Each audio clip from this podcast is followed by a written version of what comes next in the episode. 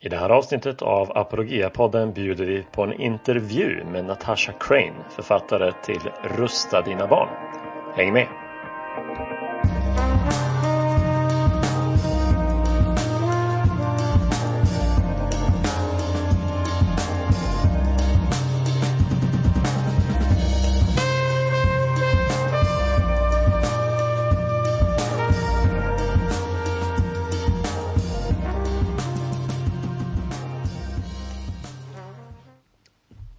Tillbaka till Apologia-podden. Det ska bli roligt att få bjuda er på en intervju den här gången. Ehm, den här gången är det Natasha Crane, författare till en av våra mer uppskattade böcker under 2020, Rusta dina barn, som eh, jag pratade med här om veckan och jag ställde frågor till henne om hennes egen eh, bakgrund inom apologetik, hur hon insåg behovet av att fördjupa sig både i sin tro men också då specifikt i apologetik för sina barns skull. Och eh, vi pratade även om hur man eh, hittar exempel och illustrationer som, som eh, är bra avstamp för samtal med sina barn om Gud och om hur man kan uppmuntra och hjälpa sina barn att både tänka självständigt kring sin tro och också att, att utveckla och fördjupa den med hjälp av egen bibelläsning och, och ett eget böneliv och sådana här saker. Så hoppas ni ska ha mycket glädje av den intervjun. Jag ska också passa på att säga på samma tema att vi kommer att ha en distanskurs som heter just Rusta dina barn under vårterminen 2021. Då kan du eh, få hjälp att läsa den här boken och vi kommer ha olika eh, presentationer eh, om just hur man samtalar om Gud, om svåra frågor om Bibeln, om sanning och livsåskådningar, vad andra människor tror. Ehm, så passa på att kolla in den kursen. Eh, det är en kurs som leds av mig och Sofia Ödman som är barnpedagog och eh, vi kommer också få gästspel av Apologias team av Stefan, eh, Mats och Ray. Det här är bara en av hela sex stycken distanskurser som vi erbjuder i vår. Kolla in vårt utbud på apologia.se. Du kan anmäla dig redan idag det finns eh, kurser med väldigt olika ämnesområden med olika längd och svårighetsgrad och olika pris. Eh, så jag tror att du kommer hitta något som, som passar dig och eh, alla kurserna börjar med en gemensam uppstart den 25 januari. Så du har fortfarande gott om tid på dig att, eh, att hitta din favorit och anmäla dig och göra dig redo. Så kolla in apologia.se för att läsa allt du behöver veta om våra distanskurser. Den här intervjun med Natasha Crane går även att se på Apologias Youtube-kanal Tyvärr hade vi lite tekniska problem vid inspelningen så ljudet är det som kommer från själva videomötet Zoom och håller inte riktigt samma kvalitet som en vanlig podcastinspelning men det får ni helt enkelt stå ut med. Här är Natasha Crane. So Natasha Crane, welcome to, uh, to this interview uh, with, uh, with me and Apologia and thank you for, for being available. Thank you so much. It's my pleasure we're uh, we're very happy to have uh, translated uh, keeping your uh, your kids on God's side, and uh, and everyone can see uh, actually a Swedish copy in the background there of Rusta dina barn. I don't know if you'd like to try pronouncing it. Okay, let's see. Rusta dina barn. oh, that's great. It's perfect. I thought we'd start with some background. How did you how did you become a writer of Christian apologetics and what has that got to do with your own story as a as a mother yeah, well, I, I, grew up in a Christian family, and so I've been a Christian my whole life, but I never took my faith all that seriously. It was just something that I did because my family did it, and we went to church every Sunday. And so I was very much a what we would call nominal Christian. And it wasn't really until uh, when my husband and I had kids that we started thinking, you know, we need to we need to think more deeply about this. We need to take this more seriously. And so as really as part of that, I decided to start a blog back in 2011 because I thought, you know, this will help me to make sure that I am thinking about it. It was a Christian parenting blog and I was just writing blog posts to kind of share what we were doing with our young kids to help them know about Jesus. It was really mm. that simple. And I had three kids who were three and under at the time. So very little. And I was just writing things about devotions and songs and very simple things. But as people began to share my blog posts over time, I started getting a lot of skeptics of Christianity coming to my website. And I have to emphasize, I wasn't looking to get into any kind of debate. I wasn't looking to engage with big questions about faith. I couldn't have answered them if I had wanted to. But I started getting people coming to my site and leaving comments like, you know, there's no evidence that God exists. Science has disproved God's existence. Jesus was never even a person in history. The Bible, it's filled with errors and contradictions. So many things that even growing up in church, I had never really heard or had the chance to process. And so I realized at that time that my kids were growing up in a very, very different world than the one in which I grew up. And so I started looking for answers. I started reading a lot of books and I started listening to things and watching things. And as I was equipping myself with this understanding of apologetics, which is just how we make a case for and defend the truth of Christianity, I turned around and was writing about it on my blog. And I was telling other parents, hey, here's what I'm discovering. This person came to my site. Here's what they're saying. I didn't know what to make of it, but looking for some answers, this is what I found. And so over time, I just gained a um, much deeper knowledge of apologetics as I was equipping myself and equipping others. And eventually, a few years down the line, that led to the opportunity um, where a publisher came and said, Hey, do you want to write a book for parents about this? Because there have always been a lot of apologetics books that are out there, really wonderful apologetics books. But a lot of times, parents feel overwhelmed by sure. this subject. They don't even know the subject exists a lot of the time. And so, my goal in writing my first book, which is Rusta Dina Barn, was, was to help parents to really understand these are 40 of the biggest questions that the secular world is going to press your kids with that you need to understand. And here are some easy to grasp answers in four to five pages each. So that's really how I got into this. It wasn't that I started off wanting to be a writer or a speaker or anything like that. It's just God brought me on this journey through what I experienced on my blog. Well, that's interesting. It's uh, I I didn't even think of that, but how how it's easy as a parent to I mean, you draw on your own experience growing up, but a lot can change over the course of a generation, so that our kids don't necessarily share the, the kind of context that we were in as children. So it's a yeah, I guess I guess that's a, a discovery we're all going to make in different you know aspects as as our children get older. That's, That's that is so true, and I think that you know that parents too often assume that their kids are growing up in the same environment. Yeah, and I, I think that's half the battle, especially when I do and things like that, to help parents to see that you might not think all this stuff is needed. You know, all these answers and these questions that we're talking about, just because you don't engage with them, but that doesn't mean your kids aren't engaging with them. And I guarantee you that as you start to look into what people are saying and how their kids are today are engaging in social media and everything that right. the internet has put in front of them, they are 100% growing up in a totally different world than most of us grew up in. So we can't just draw on our own experience and extrapolate from that and say, well, my kids need this or that. We need to do what they need, not what we think they need based on what we needed at a given yeah.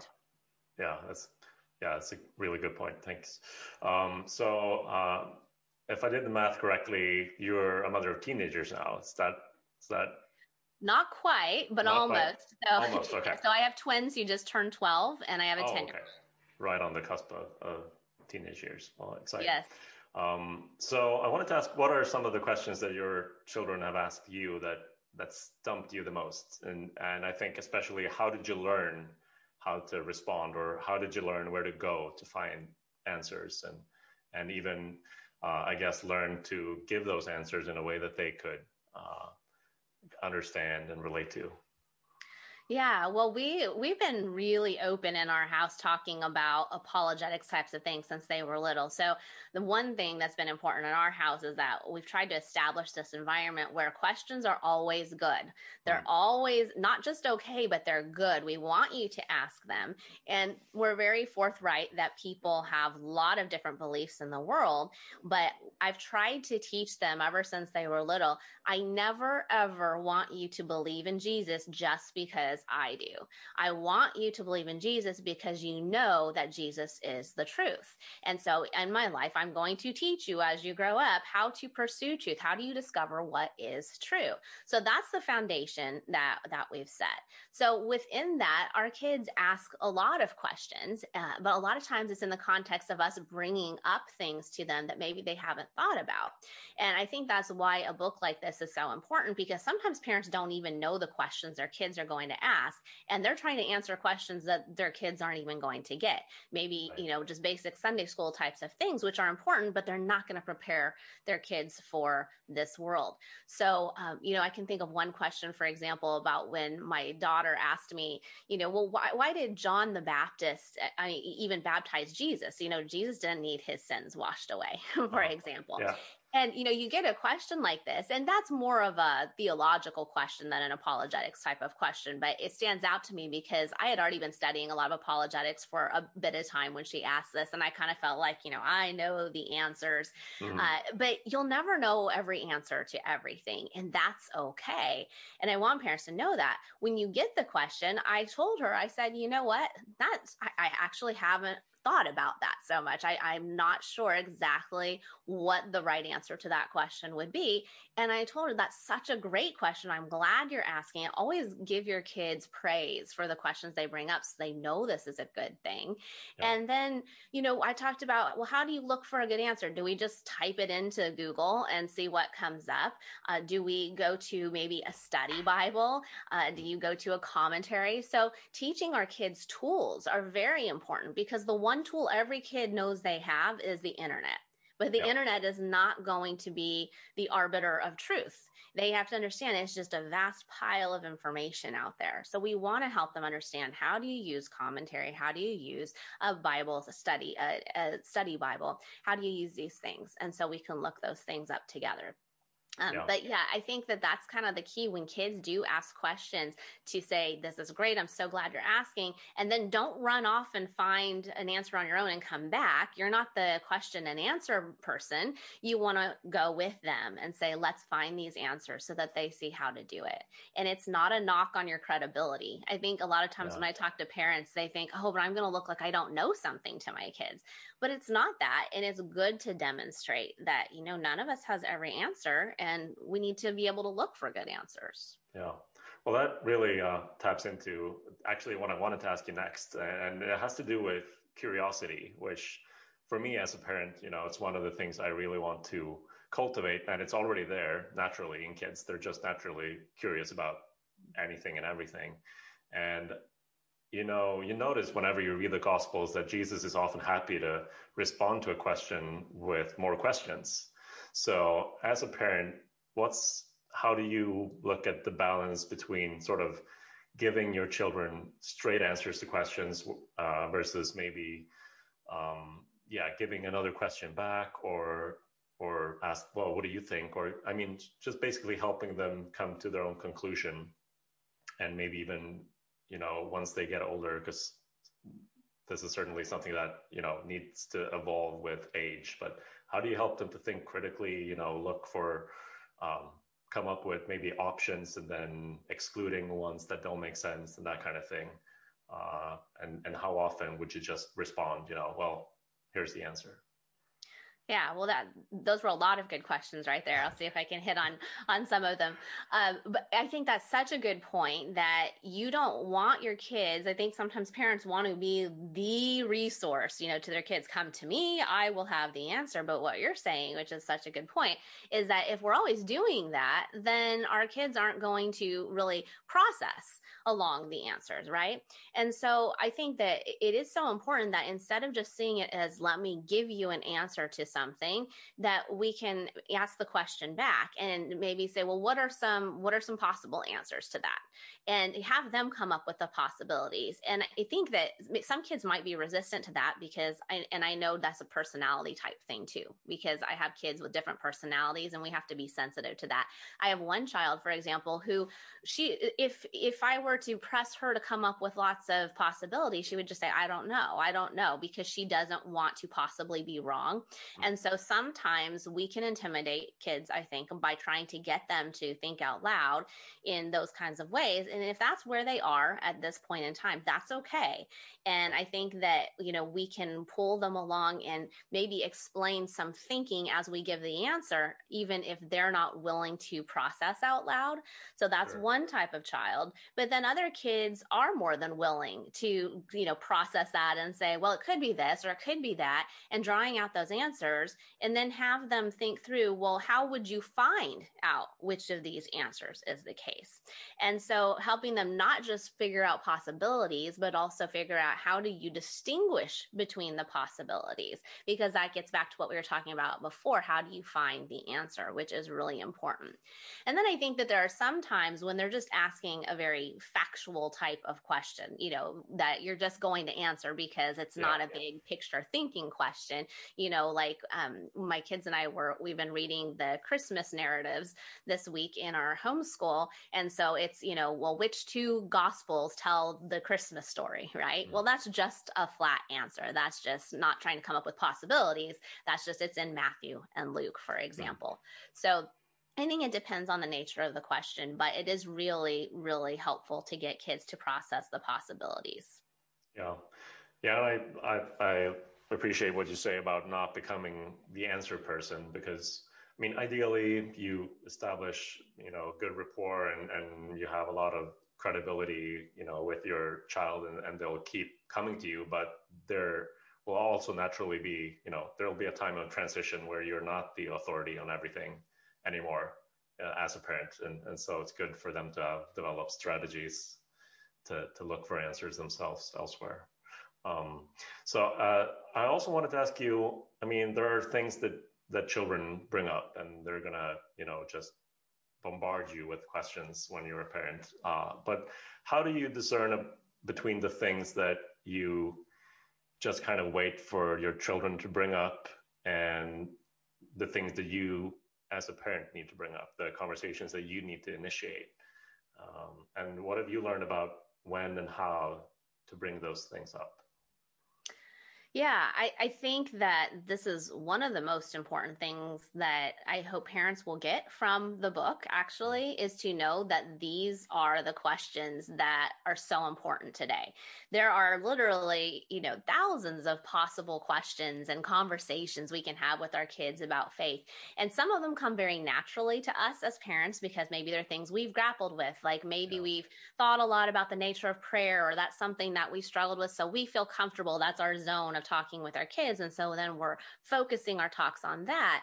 Mm-hmm. But if we're going to prepare them for a very secular world that has no belief in, in Jesus and the authority of the Bible, any of the, the basics of Christianity, they have to know so much more. They're going to have to know some specific things. And so that, that when I, when I, before I had started writing this book, it all kind of came about because I wrote a blog post and it was called 65 apologetics questions every Christian parent needs to be prepared to answer. There Sounds were no like answers. Yes, there were no answers given in the blog post. It was just a list of questions. Yeah. And it was my first viral blog post ever. It was it was shared thousands and thousands of times. And that was an eye-opening moment for me because I realized that parents it's not just answers that they need. They need to know the questions. They need to know mm. what to bring up. So, it's so important we don't see our role as just okay, let me let me you know research everything I can to be prepared to answer questions. It's I need to understand the questions that will confront our kids eventually, whether they bring them to me or not. And then I need to put them in front of my kids. Mm. And I know some parents are afraid that will make their kids doubt, but they're going to hit these questions out there eventually, whether you bring them up or not. And so it's like a lot of other questions in life. We don't wait until the world teaches our kids about a lot of things. We say, no, no, that's something that I, as a parent, am going to talk about with my kids. It's the same thing with faith. You know, we don't need some uh, person to come along who says, oh, didn't you know there's no evidence for God's existence and shake our kids' faith yeah. before we say, oh, did you want to talk about the evidence for God's existence, you know, son? No, that's that's not how it works. We need to understand that in today's world there are a lot of people who are hostile to even the idea that God exists And we need to be prepared to come to our kids and say, hey, we need to talk about how do we even know God exists? It's nice and all that we're reading these Bible verses and memorizing Bible verses and going to church, but like, what if God doesn't even exist, as a lot of people claim? How do we even begin to think through that? So I think that there there are questions that we just have to bring forward our kids, and that's really been my mission with this book. And I have two other books also that follow up to this. There's Talking with Your Kids About God, which focuses on 30 questions just about God's existence, and then Talking with Your Kids About Jesus, which is 30 questions about Jesus specifically, his identity and the meaning of his death and evidence for the resurrection. These kinds of questions. So altogether, I cover a hundred of these questions across three books to help parents see that this is what we should bring to our kids. And even if you bring 100 questions to your kids, they're still going to have other questions. And part of the beauty of bringing the questions to them is it leads to more questions. So whenever a parent says to me, Gosh, my kids don't really ask questions about faith, I don't know that they're that interested, they probably haven't brought many questions to their kids either. Because as soon as you do and you start opening that up, then kids will open up too. Right.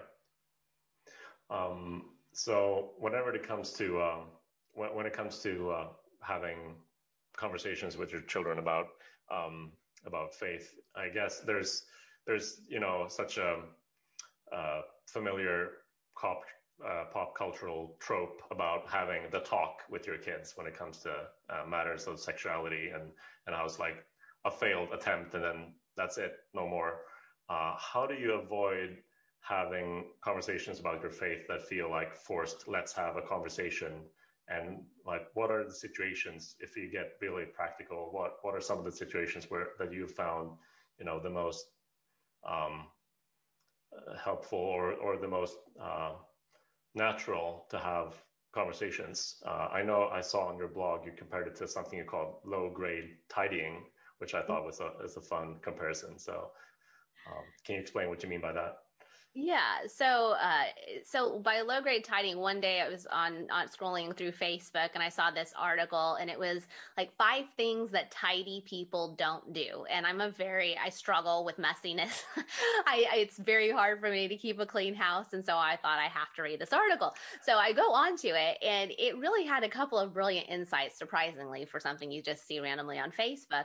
But one of them was that tidy people don't get their house clean in one fell swoop where it's just we're going to spend hours upon hours of doing this that's too overwhelming. Instead, tidy people develop these little habits of what the article called low grade tidying, where they're constantly in this state of just picking things up a little by little all the time. And I just thought that was such a valuable insight for how we have these conversations with our kids because sometimes parents, especially if their kids are already older, maybe you have a 14 year old, for example, and they're like, oh my goodness, like I haven't been having these conversations. This seems mm. way too overwhelming. Well, that's looking at it like cleaning in one fell swoop. But anyone at any time can begin the process of low grade tidying where they're just having little bits and pieces of conversation as you go. But here's the key you cannot do low grade tidying if you're not equipped yourself. And I think that is the part that parents miss because, especially if they're not familiar with these kinds of subjects, they think to themselves, but how, like, where do you get ideas? Like, how do you know? Yeah. You become equipped and you read a book like this one or other apologetics books and you start to process the kinds of challenges that you see it is not hard at all to find examples in the secular world around us. It's just, they're everywhere. You see it all the time. So when you're equipped as a parent, then you will have what I call your worldview radar up. It's kind of like you always notice these things because now you're attuned to them. Whereas before, maybe you didn't notice these examples. And so, um, just to give a couple of practical examples, um, you know, I was sitting in Starbucks one day. You guys have Starbucks, right? Uh, there's a, a couple of them, yeah. Okay, I don't and know. lots of equivalents. okay, so a coffee shop. We'll call yep. it a coffee shop. Tons of those. Okay, so sitting in a coffee shop one day, and they have um, it, they had like this big board. It was before the the year was about to start, and it was inviting people to put up their best advice for the new year, for example. Mm. And so people had written all kinds of things, and they were so secular in nature. You know, it was all very much like you know, listen to your heart and mm. follow your dreams, be who you you want to be you know, just these messages that in our family we call bad secular wisdom. It sounds like just, a disney movie to me oh exactly exactly all you have to do for a practical example is watch a disney movie really yeah. but so if you if you look at these examples you just think to yourself the, none of these are really consistent with a christian worldview so i took a picture of it of this bulletin board and i brought it home to my kids and i said look at the advice that people have mm. and you could see the same types of things over and over that people were saying and i asked my kids what do you think of these do you think that these are which ones which ones not let's criticize everything but which ones are consistent with a christian worldview? Which ones aren't? You know mm. following your heart that's not consistent with a christian worldview. As much as people like to say that the heart the bible says the heart is deceitful above all things right? We don't want to follow our hearts because our hearts we have a sin nature. So really helping our kids process that and discern those differences everywhere they go gives them the worldview radar. And so there there are so many examples that you see like that in movies like you just said you can absolutely find a million examples or you know things that famous people say this you know you see this all the time in the news we just had a presidential election and it just made for an infinite number of examples uh, of things that people yeah. say and how people process so mm. um, there are so many possibilities but really the first step is to equip yourself and then you start seeing these everywhere oh, that's that's great advice thanks um, so i wanted to ask you in terms of um, helping our kids themselves to develop, you know, their own relationship with God and and uh, develop their habits, spiritual disciplines, whatever you want to call it, Bible reading, praying for themselves, that kind of thing. Um, can you describe, you know, if you have a, a, a certain approach to that, or or some tips uh, uh, for that? Maybe what age, um, you know, certain specific tips for certain ages or something like that. Yeah, th- this is a challenge, I think, for any parent because the vast majority of parents I know, if not all of them, uh, would say that their kids are not, you know, reading the Bible with a passion every day of their lives. I mean, that that is just really rare for kids because there's so many things that are distracting them or competing for their time, that kind of thing. I think devotionals can be a gateway into that, so that there's something that they're coming back to that's easy to read, you know, each night. But devotionals, we have to understand understand can't be a replacement for the Bible either. They're right. not very meaty, and a lot of times they, you know, even border on theologically inaccurate. They're just so broad that it, it becomes um, I don't want to say worthless, but it do, it doesn't do what the Bible should do in terms of reading the Word. But that said, it's also hard for young kids to read the Bible themselves. And so, um, I actually don't remember which book I use this example in, but uh, when I had the conversation with my kids when they were about seven, and I told them, you know what, you're getting big enough now that you need to uh, see how you can start to read the Bible a little bit. They were already reading, and that, that was fine. Um, and I encouraged them to open, uh, you know, up the Bible and to to read that night. And so I came in, and you know, the good news is they listened. They were young enough where they cared what I suggested. Um, but then when I came in, one of my kids was saying that he's reading e- Ezekiel, and my daughter's reading Isaiah at age seven. Out of all the books, out of all the books in the Bible they could pick, that's fascinating choice. Yes, I know, and it sounds it sounds so obvious in retrospect. Like, how did I not like give them more guidance? Right? It was kind of this parenting fail moment where the the intent was there. I had the right intent to get them to read, but it just didn't even occur to me that they're going to just plop the Bible open, which of course they would. So I think that if we're going to encourage our kids to write, read the Bible, which they should, we have to really give them guidance on it and help them understand not just you know here's a bible verse but you know how is the bible structured? Well, what's the mm. difference between the old testament and the new testament? Um, you know we have four biographies of jesus written from four different views. Those are the gospels. And then we have letters written after jesus' death. Even that structure that i just described that very briefly after hundreds of hours in church as a kid I didn't even really understand that. And I had very faithful parents who love the Lord. I went to a, a biblically solid church, um, but no one ever talked about the structure of the Bible or how to read the Bible. And so I didn't even realize that I thought that the Gospels, I never read them for myself. I thought they were just sequential, like, you know, a four part book of Jesus's life or something. I didn't even know that they overlapped in parts and things like that. So giving kids uh, that time, time to understand this is how things are structured so they know how to read and then reading it with them i think that that kind of comes first because it's it's hard to understand in parts and there's so much of the context and the richness that they miss yeah. if they're not having you to do some of that guidance and so while i think it's great and it's an ideal to try to get your kids toward a point of reading every night on their own probably not totally realistic for a lot of kids mm-hmm. uh, but as parents i would say set aside the time each each week, like we've always had the Bible study time, and just start with half an hour a week. I, that's not overwhelming for anyone. Your kids will fight it probably uh, if they're not used to this already. Which, if you have young kids and you're listening, start this when they're young because then it just becomes part of your family environment. This is just what your family does, yeah. and they won't be as hesitant. But even if they're older, you can get to a point of just saying, you know what?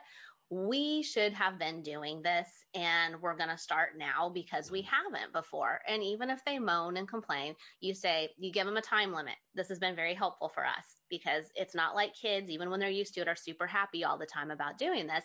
But we say this is half an hour. That's what you can expect. It's going to be half an hour. It's not going to be less. It's not going to be more. When they have that in their head, it's a lot easier to have their attention. And then during that time, you can walk through and we just read a verse at a time. Well, what does that mean? What is he saying? You know, who who wrote this again? Who's he writing to again? What's the context of what he's saying?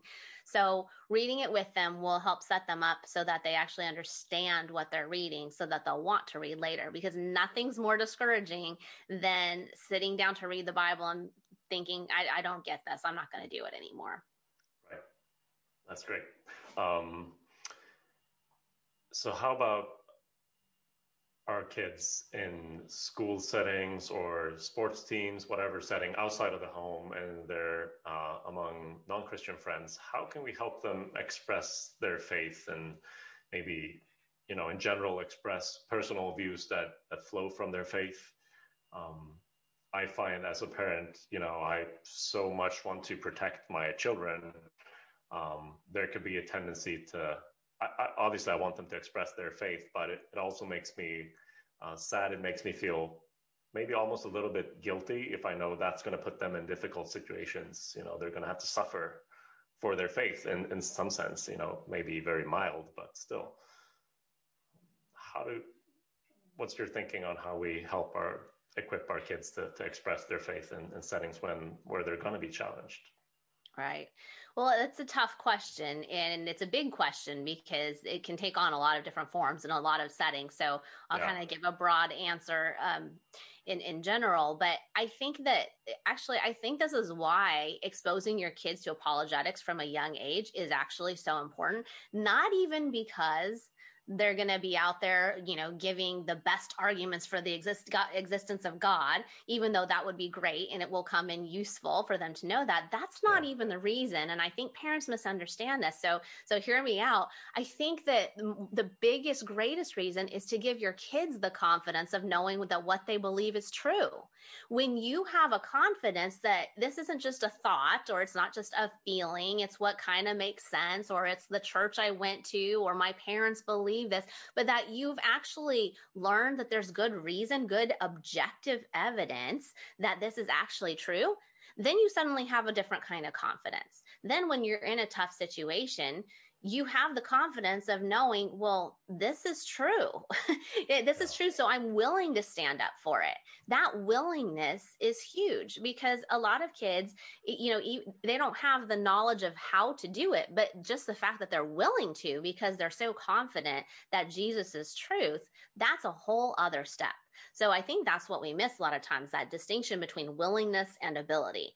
And apologetics gives kids both the willingness and eventually the ability. So even if your child is, you know, eight years old on the playground and they can't articulate all of these, you know, specific apologetics concepts, the fact you've introduced them to this, just this concept that God hasn't just made things a blind belief. He doesn't expect us to just kind of guess that he's there and then go forward. He's given us all this kinds of evidence and we can discover that it's actually true and that th- not every religion can be true, that we can actually search for what God has revealed. It makes such a difference. And then I think that when kids have that willingness and that confidence, then as they get older, they're more able to engage in those conversations. Maybe when they're younger, it just looks like a willingness to invite a friend to church because they're yeah. convicted that this is true and not just true, but beautiful, that Christianity is a beautiful thing worth checking out. Yeah. And apologetics helps with both of those things. I, I love putting those together true and beautiful. That's what our world needs to know that truth is a beautiful truth. Yeah, that's great.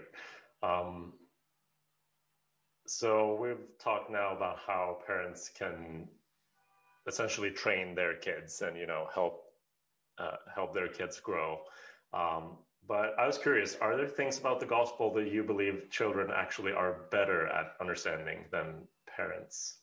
I mean, the Bible has uh, admonitions for people to to become mature in their faith, but Jesus also tells us to become like children in some sense. Uh, have you, in your experience as a parent, or since you started writing or speaking, um, have you sort of realized that hey, actually, kids have gotten this way better than I have? I I think that the humility that Jesus is talking about, uh, you know, at that time to have you know the faith like a child. You know, yeah. sometimes people think that that verse means that he's saying, "Oh, we don't need all this stuff. We just need to blindly believe." But that wasn't the context. The context is in having humility, mm. and so I do think that kids have that humility, whereas adults kind of get to a point of, uh, you know, well, I know knowledge puffs up. You know, it's right. they they start to think that they know everything and they forget that you know there are plenty of things that we never will know. Whereas sometimes kids have a humility and a heart of just being able to say well i love god and i don't know everything but i know that i love god.